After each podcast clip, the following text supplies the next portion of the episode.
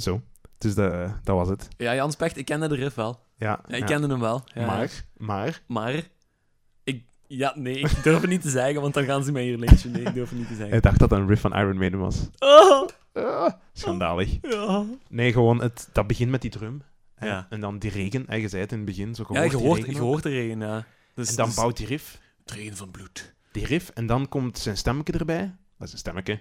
dat is een hele stem. Dat is een serieuze stem, ja. Hè, dat is niet zo schreeuwen, maar zo... Allee, ja, nee, maar weet je wat ik bedoel? Het is niet zo... Het is Ja, ja. zo heel schel, eigenlijk. En dan op het einde gaat dat sneller en sneller en sneller. En dan... En dan solo en heel goud is. En dan op een... En dan wel dat gewoon. En eh, ja, dat is voor mij gewoon een, een goed, goed, goed nummer uit de fabriek der zware metalen. Het is toch gek dat je sommige nummers niet van genre kent, hè, gelijk deze, maar ik ken de riff wel. Dus Ja. ergens heb ik dat wel opgevangen. Zou misschien inderdaad van de zwaarste lijst van eh, onze collega's van Studio Brussel komen. Onze collega's. Ja, dag collega's. Hallo collega's. Alex Agnew.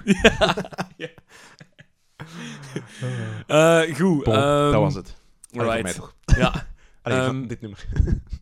wij gaan... Oké, je gaat al door dan. Je gaat al naar huis. Dat staat nu in de kost. Eh, bon, ik zal het hier verder overnemen. Eh, Ik ga het verder overnemen met de familie Motown. Ja, je gaat er niet van afkomen, deze podcast. Maar eh, voor degene die wil blijven luisteren, pak mijn hand en we gaan verder op tocht richting allemaal weg. Motown. ja, na dit nummer wel, ja. Allee, hè. Allee. Nee, bon, zie Nee, de familie van Motown eh, is heel breed eh, en dat spreidt zich ook verder dan het label. Dus ik wil nu graag een paar artiesten ehm, erin zetten die één, een plaats verdienen in het tijdloze, een beetje herkenning, en twee, die ook nog ergens een link hebben met Motown. Mhm. Misschien niet zo direct, Ehm, maar we gaan eh, als eerste halte stoppen bij Wilson Pickett. Wilson Pickett. Wilson Pickett, ja, inderdaad. Wilson Pickett eh, wordt geboren in een, eh, zo staat in zijn biografie, zijn posthume biografie, Mhm. In the Midnight Hour, The Life and Soul of Wilson Pickett. Hmm, vind ik altijd scept ik ben altijd sceptisch over zijn postume uit uitgaven. Ja, ja, allee. eh, we moeten meneer auteur Tony Fletcher misschien een beetje krediet geven, ehm, want allee, hij zal wel goed zijn research hebben gedaan, maar inderdaad, ja, postuum. Eh, dat eh, is altijd gebaseerd op feiten in plaats van echte getuigenissen. Of ja, getuigenissen van de persoon zelf. Het is dat. Ja. Bon. Nee, maar Wilson Pickett wordt in 41 geboren in Alabama. Hè, dus niet in het noorden. We hebben juist in Alabama. Dus nu zitten we in het zuiden van de VS. Ehm, dus Motown heeft zich eigenlijk eh, in het noorden gevestigd. Maar eh, Wilson Pickett was gefascineerd eh, van kinds af door gospelmuziek ook weer. En zo'n typische zwarte muziekcultuur die al sinds eh, 1900, eh, sinds, sinds ver voordat de radio was, al Mhm. ontstond. Ehm, maar hij weet dat er veel meer te halen is in Detroit. qua succes. Dus hij wil zijn muzikale carrière graag. De eh, stad van achterna Ford, gaan. Ford en General Motors. Ja, heel goed. We hebben het, we hebben het even gecheckt, inderdaad. Ja. Dus eh echte autostad, hè. dus de Motor City. Hè. Daar hij is gaat meer in- te grapen. ja, ja. Eh, hij gaat in 56 daar naartoe.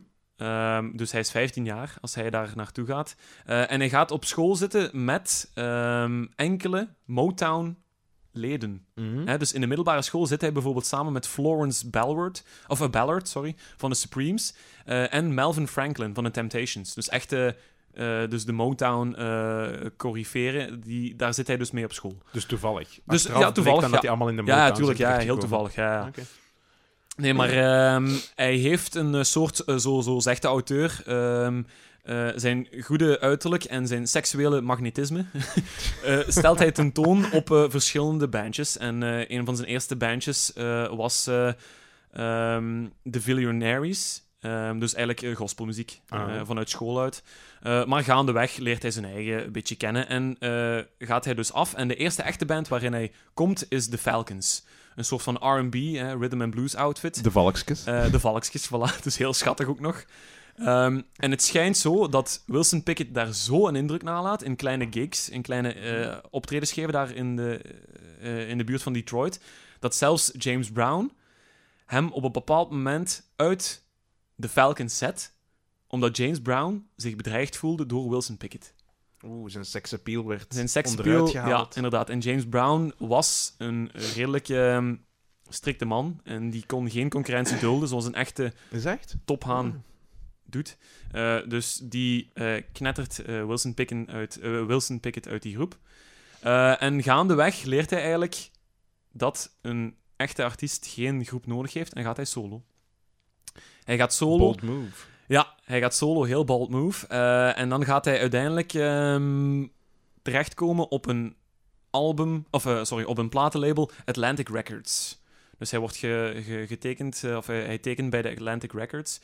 Ehm, en eh zo gezegd, de chief van Atlantic Records zegt van, ja, deze is echt, deze gaat het maken. Die knul die gaat het hier maken. Amai.